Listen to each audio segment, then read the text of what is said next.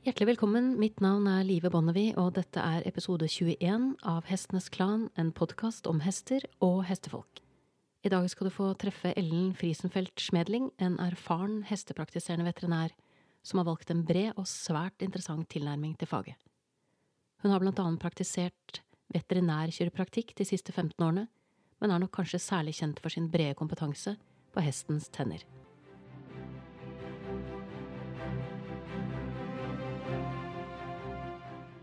Hjertelig velkommen, Ellen Schmedling. Takk. Vi er på plass for å snakke om hestens tannhelse. Ja. Jeg har jo fulgt deg på Facebook over lang tid, og eh, kjenner godt til hvem du er. Har jo valgt en annen til å se på tennene til min hest, men det handler om at jeg har en hest som eh, ikke er typen til å være så glad for å bli transportert, og du har en hjemmeklinikk. Ja. Men eh, ikke desto mindre da interessert i å snakke med deg om faget ditt, for jeg vet at du er en av de fremste på tenner i Norge. Så jeg har lyst til å starte med å snakke om det som var inngangen min til dette intervjuet, og det er at jeg er jo en sånn som kjøper en hest og har den for livet. Mm. Og det betyr at da blir man opptatt av hestens langsiktige helse. Og det jeg ser, er jo at det er beina eller tennene Ja. som tar dem. Som regel. Ja, og da tenkte jeg skulle komme hit og snakke litt med deg om hvordan passer vi best på hestens tenner, sånn at den får en langsiktig, god tannhelse. Veldig lite tema. Ja. Veldig lite. Ganske mye. Det viktigste er å ha jevnlige kontroller, sånn at du vet litt om hva som pågår i munnen. Jeg vil jo ofte begynne med å sjekke en hest når den er ett år gammel, gjerne på høsten. Da kan vi se tegner den til å få et overbitt eller underbitt eller nøytralbitt. Fjerne ulvetenner. Litt avhengig av hvilken bittype du har, så vil det også bestemme hvor ofte du skal ha en undersøkelse eller behandling. Har du en hest med overbitt eller underbitt, så må den ha jevnlig kontroll og behandling. Har du en hest med nøytralbitt og den spiser som den skal, så er det ikke sikkert at den trenger behandling i det hele tatt. Men du skal fortsatt sjekke for å fange opp skader, helst så tidlig som mulig. Mm. Og så er det mye du kan gjøre selv med grovfôr. Ja. Jo mer grovfôr de får, altså jo lenger tyggetid de har, jo mer normalt vil de slite tennene. Så en hest med et tydelig overbitt, som får mye grovfôr, vil ofte kunne trenge færre behandlinger enn en hest som har overbitt og som får lite grovfôr. Så altså, måten de tygger på, har veldig mye å si for slitasjen på tennene. Så en av de viktigste og sånn sett rimeligste inngangene til en god tannhelse, det er å rett og slett sørge for at hesten får spist det grovfòret egentlig fra naturens side er ment å spise. Og det går på strukturen på fòret. Altså kraftfôr stimulerer til at hesten tygger opp og ned, så den får ikke den malende bevegelsen. Mens grovfôr stimulerer til en riktig bevegelse og riktig slitasje på tennene. Og får du en feilaktig slitasje, så må du ofte gå inn og behandle dette. For ellers så vil det forverre seg for hvert år. Eh, så en hest som ikke tygger nok sideveis, vil få det vi kaller de skarpe kantene. Eh, det er også viktig å tenke på at en hest har en naturlig vinkel på tennene. Den vil være avhengig av om den har overbitt, underbitt eller nøytralbitt. Men det vil fortsatt være en vinkel, så tannrekken skal ikke være helt rett. Og hvis du da putter inn hånden og kjenner inn i munnen, så vil du kjenne en kant. Fordi det er en vinkel der. Og den kanten vil du kjenne på innsiden nede og utsiden oppe. Den skal være der. Og hvis du prøver å rette ut den, så kan du fort drite på draget. Skikkelig. Det skal være skarpt. Men du er nødt til å se på tyggefunksjonen. Da må du se med dine egne øyne. Du kan ikke kjenne dette her. Du må se hvordan er tyggefunksjonen hele veien bakover. For det kan være én spiss ett sted som du må korrigere. Det kan være én spiss på én side, to spisser på den andre siden. Og så må du gå inn og korrigere akkurat det du trenger å korrigere. Er det fort gjort, eh, tenker du, eh, å gjøre for mye? Eh, da jeg gikk på veterinærhøgskolen, så lærte vi å putte inn en hånd og kjenne etter, og så raspet vi til det var glatt og fint. Og det må jeg bare si at det gjøres jo fremdeles. Det er ikke mer enn noen måneder siden jeg sist sa, eller snakket med noen som sa de hadde hatt inne en tannbehandler, og det var blitt så glatt og fint. Ja. Ja. Eh, og i og med at hestene skal male ganske grovt, eh, altså tørt gress, så trenger de faktisk en del spisser for å kunne male fôret. Eh, det kan sammenlignes med å spise biff med plastikkniv. Altså du skal skjære dette her, det skal males. Eh, du kan aldri stille en diagnose bare ved å kjenne inn. Hesten må sederes. Du må spyle ut matrester. Du må se med speil og med lys. og undersøke tann for tann innover. Og det kan godt hende at du skal behandle alle tennene, men det er ikke alltid. Det er litt som å gå til tannlegen. Altså, du borer ikke opp alle tennene. Selv om du gjorde faktisk det på 80-tallet. Da boret du opp alle tennene, for da kom det ikke karies dit. På den tiden så var det legeartis, altså god medisin. Det er det ikke lenger. Nei. Og sånn er det med hest også. Still en diagnose, behandle ut ifra diagnosen. Det er eh, innenfor selvfølgelig alle felter når det gjelder hest, så, så også innenfor tenner, ulike skoler. Ja. Ulike filosofier. Ja. Kan du si litt om den du valgte å gå for, for din egen praksis? Ja, jeg kom ganske tidlig etter utdannelsen i kontakt med Torbjørn Lundstrøm i Sverige. Um, han er utdannet tannlege og hadde jobbet da med hest uh, på si i flere år. Og så til slutt så gikk han helt ut og jobbet bare med hest. Um, jeg var så heldig og fikk gå i lære hos han i ett og et halvt år. Uh, første bud hos han gjør en undersøkelse. Still en diagnose, behandle ut ifra diagnosen. Og så skal du alltid stille kritiske spørsmål. Vi gjør det vi gjør i dag ut ifra den kunnskapen vi har i dag. Og så må vi da om fem år se kan vi gjøre dette bedre. Um, vi skal aldri gå inn og si at sånn har vi alltid gjort det. Sånn skal vi alltid gjøre det. Da går det ikke videre. Eh, forskning. Vær alltid kritisk. Undersøk alltid. Kan vi ta prøver? Kan vi sette dette her i en annen sammenheng? Altså, en del skader kan oppstå som følge av at hesten ikke bruker seg riktig i kroppen. Mm. Og så ser du da dette i munnen. Og da må du kanskje eh, ta kontakt med en som jobber med kiropraktikk eller massør. Det kan være snakk om endret trening. Men hesten er en helhet, og munnen er et godt speil på hvordan kroppen fungerer. Kan du si litt eh, mer om det? Hvis du har f.eks. mageproblemer, så vil det påvirke bl.a. slimhinnene i munnen. Eh, har du mye spenninger i kroppen, så vil du ofte se sår på innsiden av kinnet. Eh, mange tenker at det er pga. tannspisser. Det er en sannhet med veldig store modifikasjoner. Eh, har du en hest som har vondt i bakparten, så vil den legge vekten forover, fordi det er den eneste stedet den kan belaste. Da vil rytteren ofte kjenne at hesten er tung i hånda, og så får den trykkskader. Den får spenninger i kinnet, den får sår i kinnet.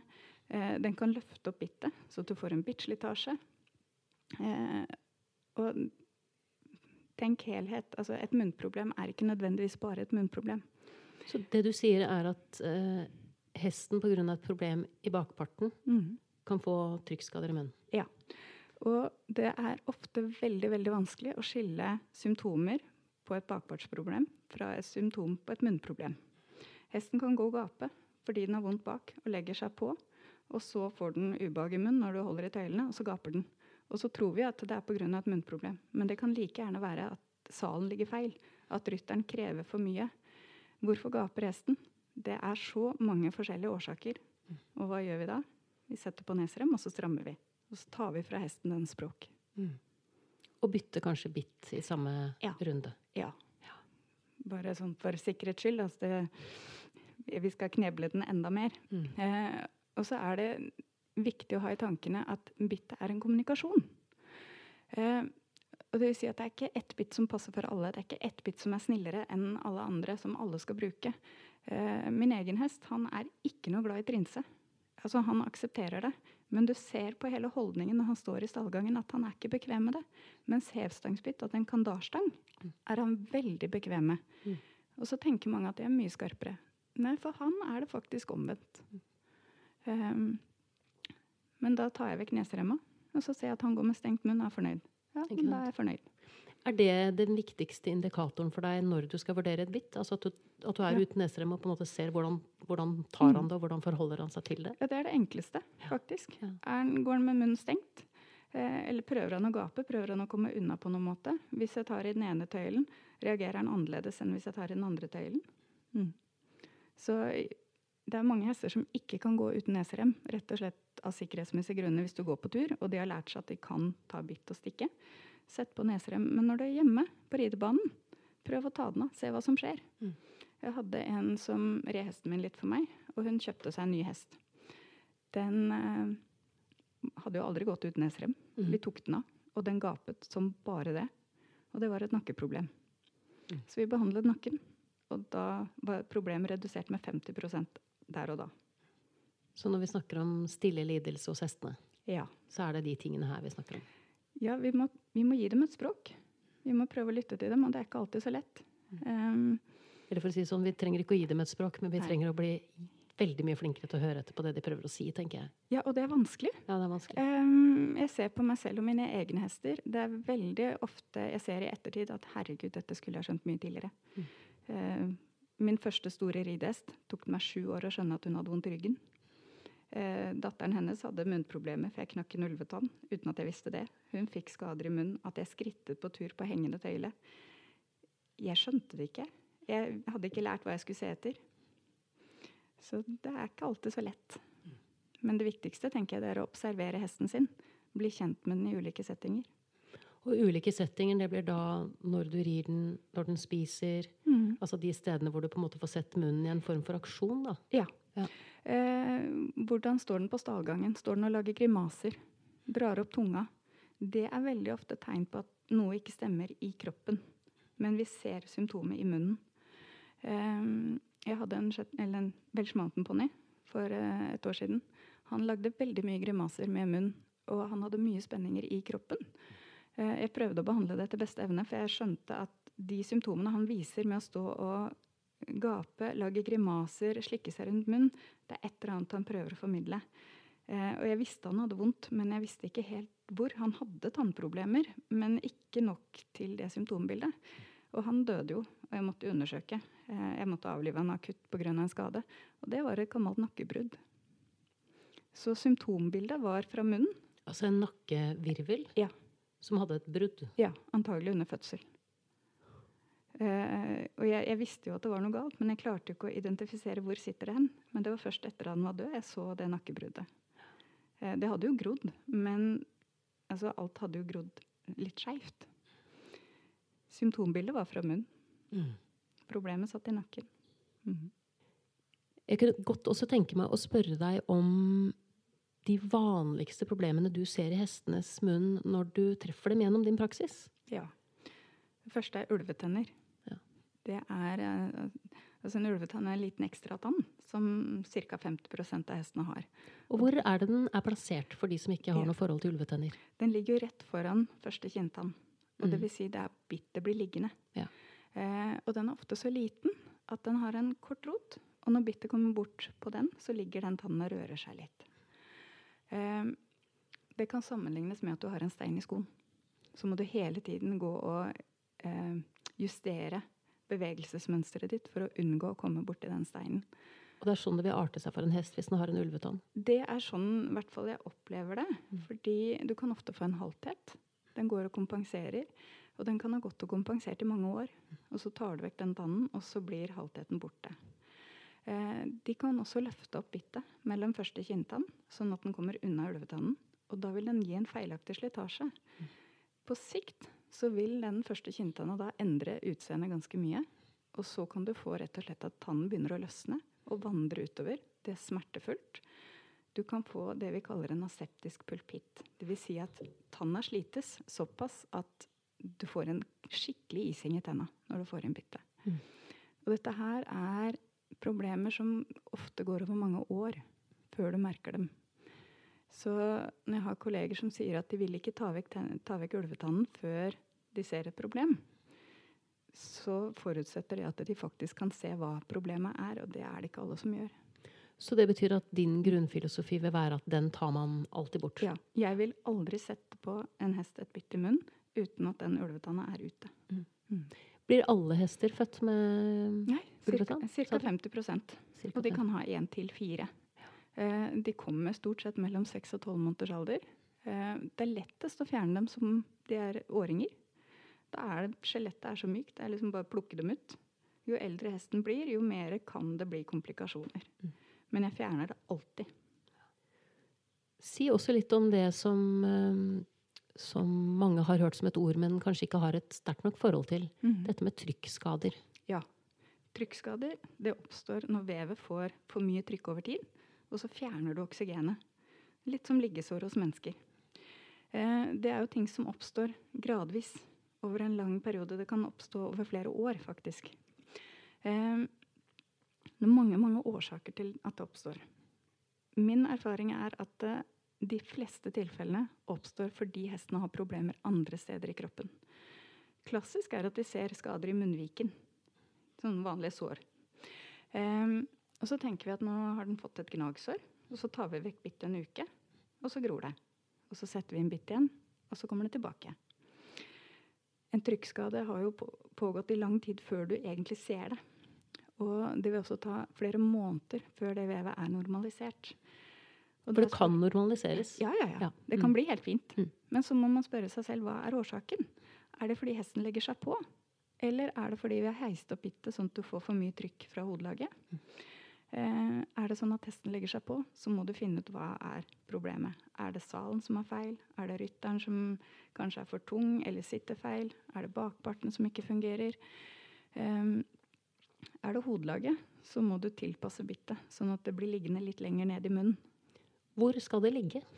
Eh, kan du telle munnviker? Du, altså, for det fins jo mange Den gamle skolen sier det kan du, Ellen. Du kan bare telle munnviker. Så kan det være så og så mange krøller på den, så er det riktig. Ja. Mange ting som var enklere før. Det var, alt var enklere før, for å være helt ærlig, når det gjelder hester. um, dessverre så er ikke alle hester støpt over samme lest. Og det vil si at du kan ikke ha én generell regel. Så jeg pleier å legge bittet inn, og så lar jeg hesten løfte opp bittet der den vil ha det.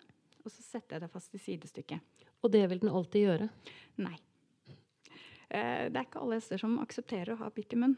Og som hele tiden står og greier med det, løfter opp, eh, ordner med det, så du får rett og slett ikke sett åssen det ligger. Mm. Um, så jeg prøver å la hesten bestemme, og så setter jeg det fast der hvor jeg tror den vil ha det. Og så sjekker jeg ligger det mot hjørnetenna. Da må jeg heise det opp. Min gamle hest var så enormt stor i hodet, så bare vekten av sidestykket gjorde at det sidestykket begynte å henge hvis jeg ikke hadde litt mer spenning i det. Så da måtte jeg ha én rynke. Mm. Eh, på noen hester så er det veldig stor avstand fra første kinntann og ned til munnviken.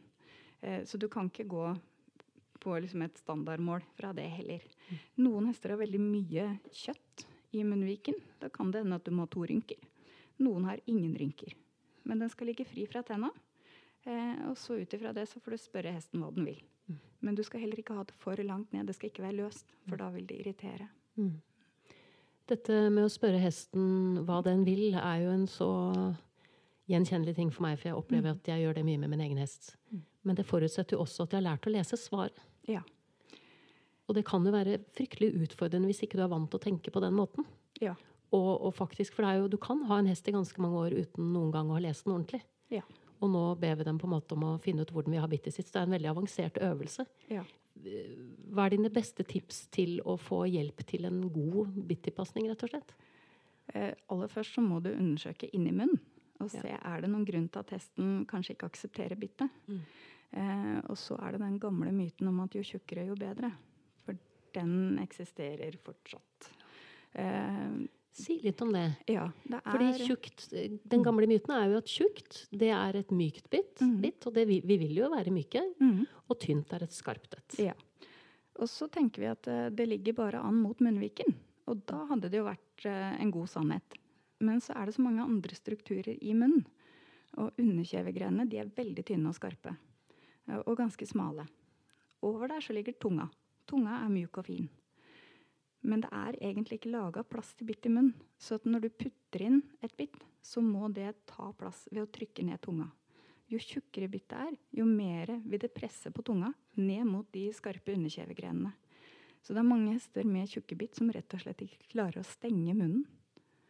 Og det gjorde jeg også før. Det hadde en ponni. Tjukt trinsebitt som var altfor langt. Hun klarte ikke å lukke munnen, men det var ikke noe problem. Jeg bare stramma neseremma, som jeg hadde lært. Ja. ja.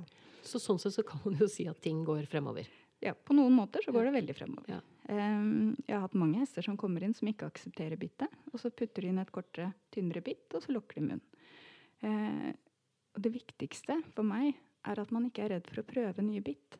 Fordi det som er best for den ene, er ikke nødvendigvis best for den andre. Og dette vil også endre seg etter hvert som hesten utvikler seg. Mm. Um, på en unge så velger jeg gjerne et udelt trinsebitt. Eh, etter hvert så kanskje den ikke er så fornøyd med det. Den trives best på noe annet. Eh, kanskje bittløst, kanskje kandarstang, kanskje delt trinsebitt. Eh, hvis ikke du prøver, så vil du heller ikke finne ut av det. Mm.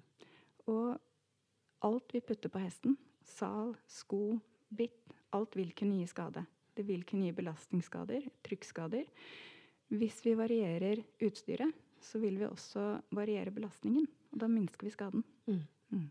Mm. Så jeg anbefaler at man har forskjellige bytter man varierer med. Mm. Mm. Du kan gjøre ganske mye feil hver dag, hvis ikke du gjør samme feil hver dag. De som da tenker at dette blir for komplisert, å finne Mhm. riktig bit, Mhm. eller ut fra prinsipp tenker at de har lyst til å ri uten, Mm.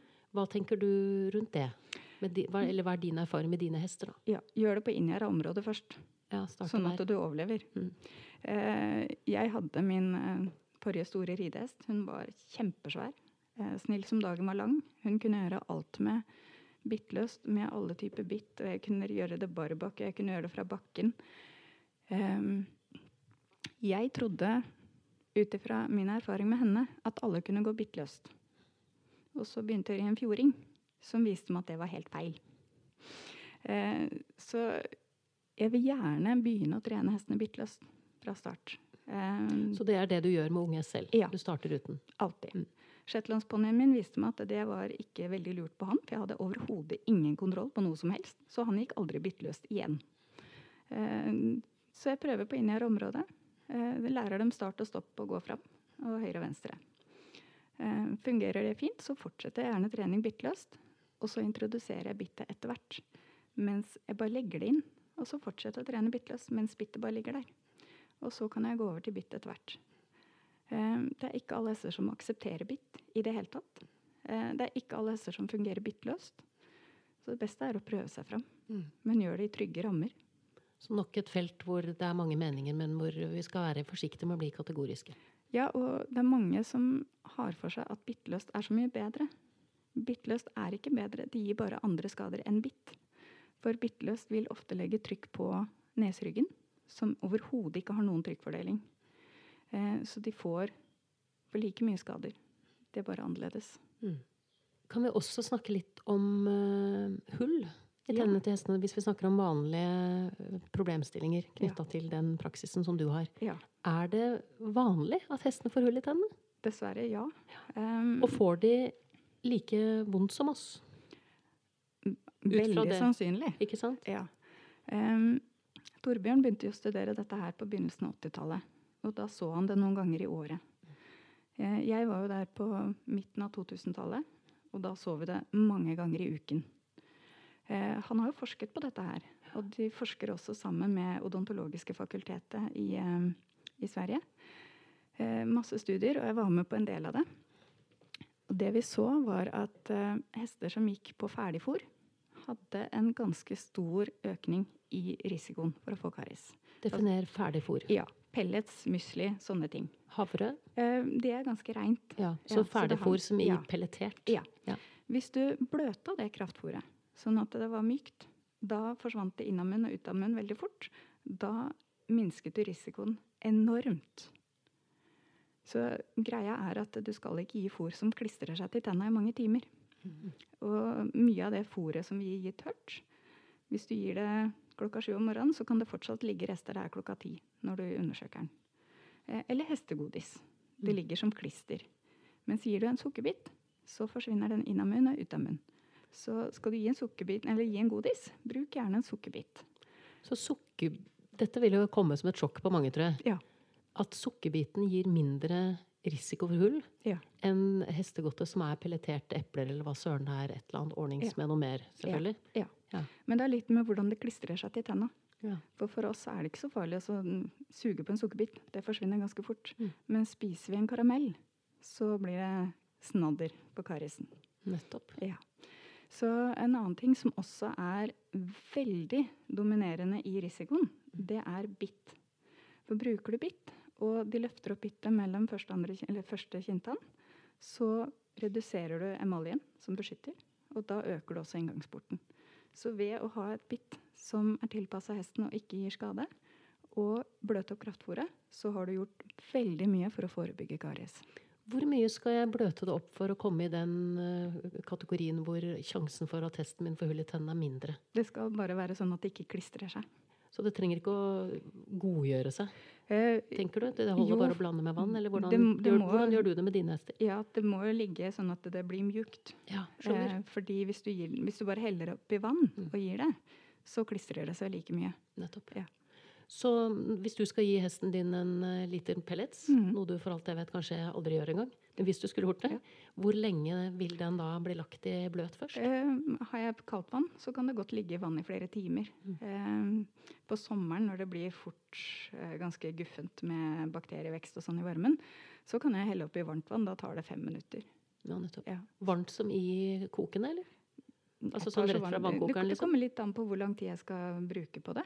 Eh, har jeg dårlig tid, så tar jeg veldig kokende vann. Eller så varmt fra springen som mulig. Mm. Eh, bare passe på at det ikke er varmt når hesten kommer bort til det. Eh, jeg har brent meg på det en gang. Da ble hesten min ganske sint på meg. Mhm. Eh, men er det sånn på sommeren når det er sånn halvveis varmt, så kan jeg godt legge det i kaldt vann fra morgenen av Mm. og så får du det på kvelden. Men er det 25-30 grader, så vil jeg ikke vanne det før litt nærmere. Nettopp. Mm. Så øh, å bløte opp kraftfôr er en måte å unngå at de skal få vondt i tennene. altså hull i Mm. tennene. Men det er jo, som jeg var inne på innledningsvis, det er mange ting som kan gjøre at en hest får Mm. vondt. Mm. Hva er det som kjennetegner eh, tannsmerte hest for deg, i den grad det går an å si noe generelt om det? Jeg skjønner jo Ja. at det kommer an på hvor symptomet kommer fra. Og, Ja, eh, veldig varierende. Mm. Eh, når vi diskuterte karies, så tok vi ikke opp liksom, hva er symptomer på karies. Og de kan være også veldig diffuse. Eh, alt fra at de ikke vil gå ut i regnvær, til at eh, det ikke fungerer når det er kaldt. Eh, de kan få spenninger i kroppen. så det er et stikkord. Um, og da kan man spørre seg hvorfor vil den ikke gå ut når det regner. Det iser i tennene. Og så kan man jo tenke at det her er litt søkt. Åssen kan vi vite at det er sånn? Um, men det er ganske klassisk at de kommer inn, og så ser vi en karies, renser opp i den. Hesten fungerer bedre etter behandling. Da kan vi også tolke at den kariesen har vært et problem. Og så ringer eieren etter noen måneder og sier at nå har pakningen falt ut. Jaha, åssen kan du vite det? Jo, for nå vil den ikke gå ut i regnet igjen. Ehm, og jeg hadde en hest som jeg behandlet. Det var langt oppe i Nord-Norge. Og det var en liten ponni som gikk i rideskolen. Og den brøt seg alltid ut fra paddocken og skulle inn først. Mm. Og den bukket mye. De hadde tilpasset sal. De hadde gjort alt de kunne. Ehm, vi renset opp Kares, for den var ganske stygg. Enden på visa var at den brydde seg ikke om å komme inn først. Den sto og ventet på sin tur, og den sluttet å bukke. Det er jo ikke så lett å relatere de symptomene til et munnproblem. Og, og sånn er det ofte med munnproblemer. Det er bare noe som ikke stemmer. Det kan være muskelspenninger i kroppen som flytter seg litt rundt. Du kommer egentlig aldri i mål. Du får kiropraktor eller massør ut, og du får løst ett problem, og uken etter så det, har det bare flytta seg. Ehm, noen hester vil vanne høyet sitt når de har problem. Andre hester gjør det når de er friske. Så du kan egentlig ikke bruke det som et symptom. Ehm, nedsatt prestasjon, som du ikke egentlig finner en forklaring på. Um, travere som mister takten. Det kan ofte være fôrinnpakninger, eh, sprekker i en tann. For hvis det er en sprekk eller noe begynner å pulsere når de kommer opp i puls, så mister de takten. Så det er også en sånn klassisk. Mm. Eller mye skumming. Man Ja. tenker ofte at skumming er bra. Mm. Um, det er også en sannhet med modifikasjoner. For litt skumming er ofte et tegn på at hesten jobber korrekt. Mye skumming er ofte et tegn på smerte. Da kjente jeg at jeg ble veldig nysgjerrig på Ja. noe som jeg har hatt i en annen episode, nettopp spørsmål om dette med skumming. Fordi det som er mitt utgangspunkt, er jo alltid å betrakte hesten der hvor den hører hjemme, og ta utgangspunkt i at det er det som er naturlig for den. Ja. Så når jeg ser en, en svart, nydelig eh, dressurhest på en bane som skummer sånn at det første jeg tenker på er rabies, og at skummet kommer i klumper ned på framparten, som jeg tror en del miljøer også er regnet som et slags pluss, så er det jo veldig interessant å høre ditt perspektiv på kan man tenke seg at det noen gang kan være en normal og god ting? At en hest skummer på den måten? Nei. Nei, det vil du være helt kategorisk og klar på. Ja. Litt skumming er et godt tegn. Mm. Mye skumming er i mine øyne aldri et godt tegn. Da er det noe som er feil et eller annet sted. En prøver jo da sånn sett kanskje å hinte om det ved å ha et symptom som er eh, veldig likt symptomet på alvorlig sykdom, sånn sett, da. Hvis du skjønner hva jeg Ja. mener? Det er ikke så lett alltid å skjønne åssen kroppen tenker. Men, men eh, for meg er mye skumming ikke bra. Det er, noe er feil. Det kan være bitte, det kan være smerter i munnen, det kan være spenninger i kroppen, det kan være stress. Men det skal ikke være mye skum. Nei. Og jeg husker fra jeg var dressurrytter selv og red ponni, så var det en ponni som var med på stevnene. Den skummet ikke. Eh, og det var jo litt trist, for det skulle det jo. Så da puttet man et eple inn og strammet neseremma rett før den skulle inn. For da tøt det ut skum på sidene. Problemet løst. Vi driver med vårt. Ja. Men det var ingen som stilte spørsmål hvorfor skummer den ikke. Eh, og ingen spurte heller hvorfor ønsker vi litt skum. Uh, og jeg opplevde det med min forrige hest, som rev veldig mye bittløst. Når hun jobbet korrekt, så hadde hun den lille leppestiften med skum. Mm. Selv på bittløst. Ja. Det er ikke bitte så mye skummingen. Nei, Men det, jeg tror det er det som er mye av problemet her. Ja. At man tar en mm. feilkobling på det, rett og slett. Ja. Så jeg, nå merker jeg jo når jeg sitter her, at jeg får uh, veldig lyst til å dra hjem og sjekke min egen hest. Mm. Nå har du gitt meg en del spor. Hva med hva med ånden til hesten? Ja. Eh, hva med altså om det lukter godt eller vondt av munnen? Altså, mm. Er det noen andre sånne veldig hva skal jeg si, nybegynnertriks ja. som gjør at det blir lettere for oss å navigere i forhold til å prøve å tenke kan det være tennene med min hest mm. eller munnen? Eh, lytt når den spiser grovfòr. Mm. Eh, den skal ha en sånn malende bevegelse. Og mm. er du usikker, lytt på en annen hest på stallen. Mm. Eh, det skal være en sånn god, malende tyggebevegelse. Det skal ikke være hardt, det skal ikke være klunkelyder. Eh, observer. Den vil endre siden den tygger på, jevnlig. Så du vil se på kjeven at det plutselig så endrer den mønster. Eh, og hvis den ikke gjør det, så kan det tyde på at den tygger bare på én side. Og det er ikke gunstig. Det skal lukte godt av en hestemunn. Lukter det vondt, så kan det være tannfelling fôrinnpakninger eller andre skader. En eldre hest som kanskje ikke tygger helt som den skal, så kan det lukte litt sånn rart og emment. Da er det selvrengjøringen som ofte ikke er helt uh, som den skal. Det behøver ikke å være et munnproblem, men det er grunn til å undersøke det. Lukt på neseborene. Skal det, også, det skal ikke lukte noen ting av dem. Lukter det vondt der, så kan det være tegn på bihulebetennelse, som igjen kan være forårsaka av en tannrotsinfeksjon. Sånne ting. Sjekk lymfeknuter under haka. De skal ikke kunne kjennes normalt sett. Er de forstørra, så kan det være som en liten rosin eller en liten plomme. Det vil si at det er en eller annen infeksjon i hoderegionen. Ikke nødvendigvis en tann, men grunn til å sjekke. Se på symmetrien på ansiktet. Det skal være likt på høyre og venstre side. Sjekk under haka.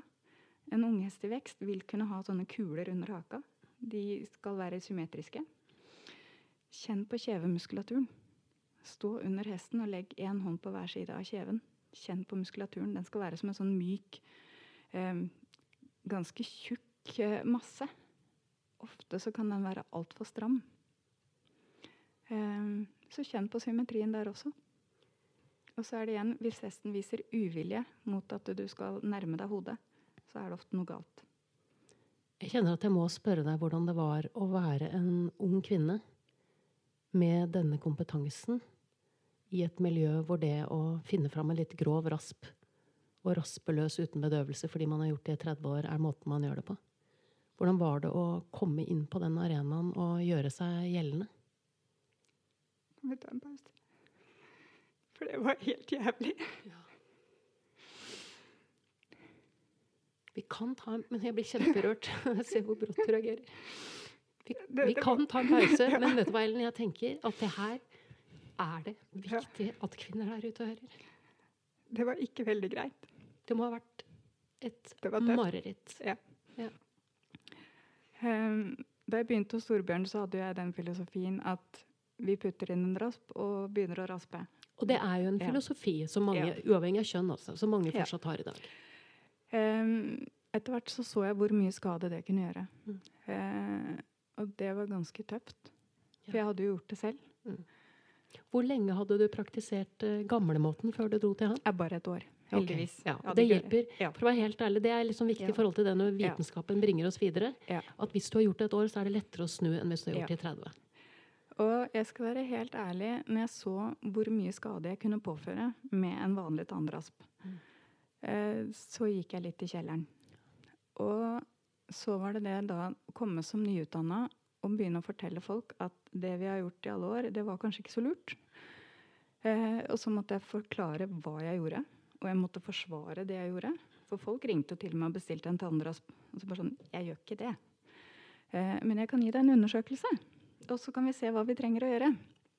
Eh, det tok jo mye lengre tid å gjøre en undersøkelse ordentlig. Så det kostet jo mye mer. Og så måtte jeg forsvare hvorfor jeg brukte så mye lengre tid. Hvorfor det kostet veldig mye mer enn det vi var vant til. Fordi det vi hadde gjort tidligere, det hadde jo alltid funka. Det hadde ikke alltid funka, men vi så det ikke. Um, indirekte så ble det også å si at mine kolleger gjorde feil. Ja. Og det var ikke veldig hyggelig. Mm. Um, For du kommer fra en, en, fagdisiplin som er veldig konservativ. Ja. Det merker jo jeg også som ja. kunde, på en måte. Ja. Og kombinasjonen av det og kjønn er jo grunnen til at jeg stiller dette spørsmålet. For det er klart at det er å prøve å flytte på et fjell med hendene. Ja. Um, og det var liksom Hvordan griper jeg dette an? Heldigvis så fikk jeg være hos Torbjørn i ett og et halvt år på fulltid. Sånn at jeg følte meg trygg nok til å gjøre de basic-tingene. Altså en helt enkel undersøkelse, enkel behandling. Det tok ett og et halvt år full tid. Um, og så fikk jeg veldig klar beskjed av han at jeg fikk ikke lov til å undersøke på stall. Rett og slett fordi jeg kom til å bli halshugget relativt ofte. Så han jeg, hadde gått den gata før deg? Han har gått den gata. Men som en, en, voksen mann? Ja. Ikke sant? Uh, og han var helt klar på at det var litt lettere. Det er For jeg var nyutdanna blond med pupper. Det er ikke så lett å da skulle introdusere noe helt nytt. Du er ikke smart da. Det sier seg selv hvis du er blond. Ja. Og, ja. Ja. Sånn, men sånn, ikke sant? Dette, vet jo, dette vil jo veldig mange av mine venninner eh, kjenne seg igjen i. Og hvis man er norsk og tilfeldigvis er blond også, så er det jo mange av dem. Sånn at dette er en reell problemstilling i alle fagområder. Også i min bransje, i filmbransjen. Dette er et problem. Um, og så var det det å dokumentere det jeg gjorde. Mm. For jeg fikk jo relativt ofte tilbakemeldinger fra kolleger som ikke var veldig hyggelige. Uh, er det da kollegaer som kommer etter at du har behandlet, og gjør en vurdering av det ja, du har gjort? Ja. Og tenker at dette her er jo Og skjeller ut kundene. For å ha brukt deg? Ja. ja det og, og, det var flere ganger også jeg sendte kundene til å ta røntgen på en annen klinikk før jeg fikk røntgen selv, hvor da kundene fikk kjeft for at de hadde vært hos meg. For det her var noe fordømt tull. Eh, og det her skjedde relativt ofte i starten. Mm. Eh, og det var tøft å stå i. Og jeg skal helt ærlig innrømme at jeg flere ganger tenkte på at jeg skulle gå tilbake til å gjøre tannraspen, for da slapp jeg å forklare meg for hver eneste pasient mm. hele tiden. Men så var det det at jeg kan ikke gå tilbake til noe som gir mer lidelse. Det har jeg ikke samvittighet til. Uh, og det er ikke sånn at jeg tror at jeg gjorde riktig hele tiden. Men jeg vil i hvert fall evaluere det jeg gjorde. Uh, og se at kan hende jeg skulle tatt mer, kan hende jeg skulle tatt mindre. Men vi må undersøke. Uh, er det ikke litt rart at en person som kommer med uh, lys, utstyr for å virkelig se grundig inn i munnen Det er jo litt interessant at det er at man ikke tenker at det er et konkurransefortrinn. At du faktisk ser litt grundig inni der før du begynner. Jeg tror det var mange som følte seg litt trua. Det tror jeg du har helt rett i. Ja. Uh, og jeg hadde noen diskusjoner med en del kolleger på mm. et seminar en gang hvor jeg følte vel egentlig at jeg ble skjelt ut foran relativt mange kolleger. Og jeg gikk ordentlig i kjelleren etterpå. Mm. Men så tenkte jeg også det at hvis de føler seg så trua av det jeg gjør, så må jeg kanskje ha gjort noe rett. Jeg tenker at uh, det er den reaksjonen man får hvis man mm. utfordrer noe folk har gjort i 30 år. Ja, og jeg kunne beskrive hva jeg gjorde. Mm eh, hva som ligger bak. Og jeg var alltid åpen for at vi kan alltid diskutere ulike behandlinger. Ja. Men vi må undersøke først. For hvis man ikke undersøker, så kan vi ikke diskutere behandlingsmåter. Eh, og det er ingen av oss som har fasiten. Mm. Hvordan skal vi behandle denne hesten? Det får vi først etter et par år, kanskje, når vi har sett ble det bedre. Eller har vi ikke fått løst problemet? Kanskje vi skal velge en annen strategi. Eh, der fins det ingen fasit. Mm. Men uten en undersøkelse, uten en diagnose, så kan vi aldri diskutere behandling. Mm. Dette bringer meg jo, merker jeg nå, over på et uh, Jeg kjenner nå, Ellen, at jeg blir nødt til å invitere deg tilbake. Mm. Uh, det handler jo om at siden vi snakket sammen sist Jeg vet jo at du også driver med kiropraktikk på hest. Uh, og når jeg hører med hvilket kompetansenivå du snakker om hestens tenner, kjever og den helhetlige tankegangen, så kjenner jeg at jeg blir veldig interessert i å ta en runde med deg på kiropraktikkbiten. Det kan vi gjøre. Fordi det jeg ser, det er at det du har gjort, er jo å velge å gå en Vil ikke si din egen vei, for den kiropraktikkveien fins jo der. Mm. Men du har valgt en, en, holistisk retning med hestene som utfordrer mye av det etablerte. Og jeg tenker det ville vært veldig interessant å ta en prat med deg om de erfaringene du har da. For da, da tenker jeg at hvis du først har vært ute i krigen og snakket om tenner, så har du faktisk fortsatt snakket om noe som veterinærer gjør. Mm. De rasper jo tenner fra før, så du gjør det på en litt sær måte, kanskje, men du er fortsatt inne på felt. Ja. Men så har du valgt å legge kiropraktikk eh, og en del annen type behandling på toppen av det. Det var heller ikke veldig populært i starten. Nei. Og den praten tenker jeg at eh, jeg har lyst til å komme tilbake og ta med deg. Ja. Er du Det er med på. åpen for det? Ja. Vet du hva, Ellen, da takker jeg veldig for den praten her. Takk Og så gleder jeg meg allerede til neste gang du og jeg skal snakke sammen. Du har nettopp hørt episode 21 fra Hestenes Klan, en podkast om hester og hestefolk. Takk til Ellen Schmedling for å ha stilt opp til dette intervjuet. Takk til min faste komponist Fredrik Blom. Og sist, men ikke minst, takk til deg, kjære lytter, for tålmodigheten. Måtte hesten for alltid være med deg.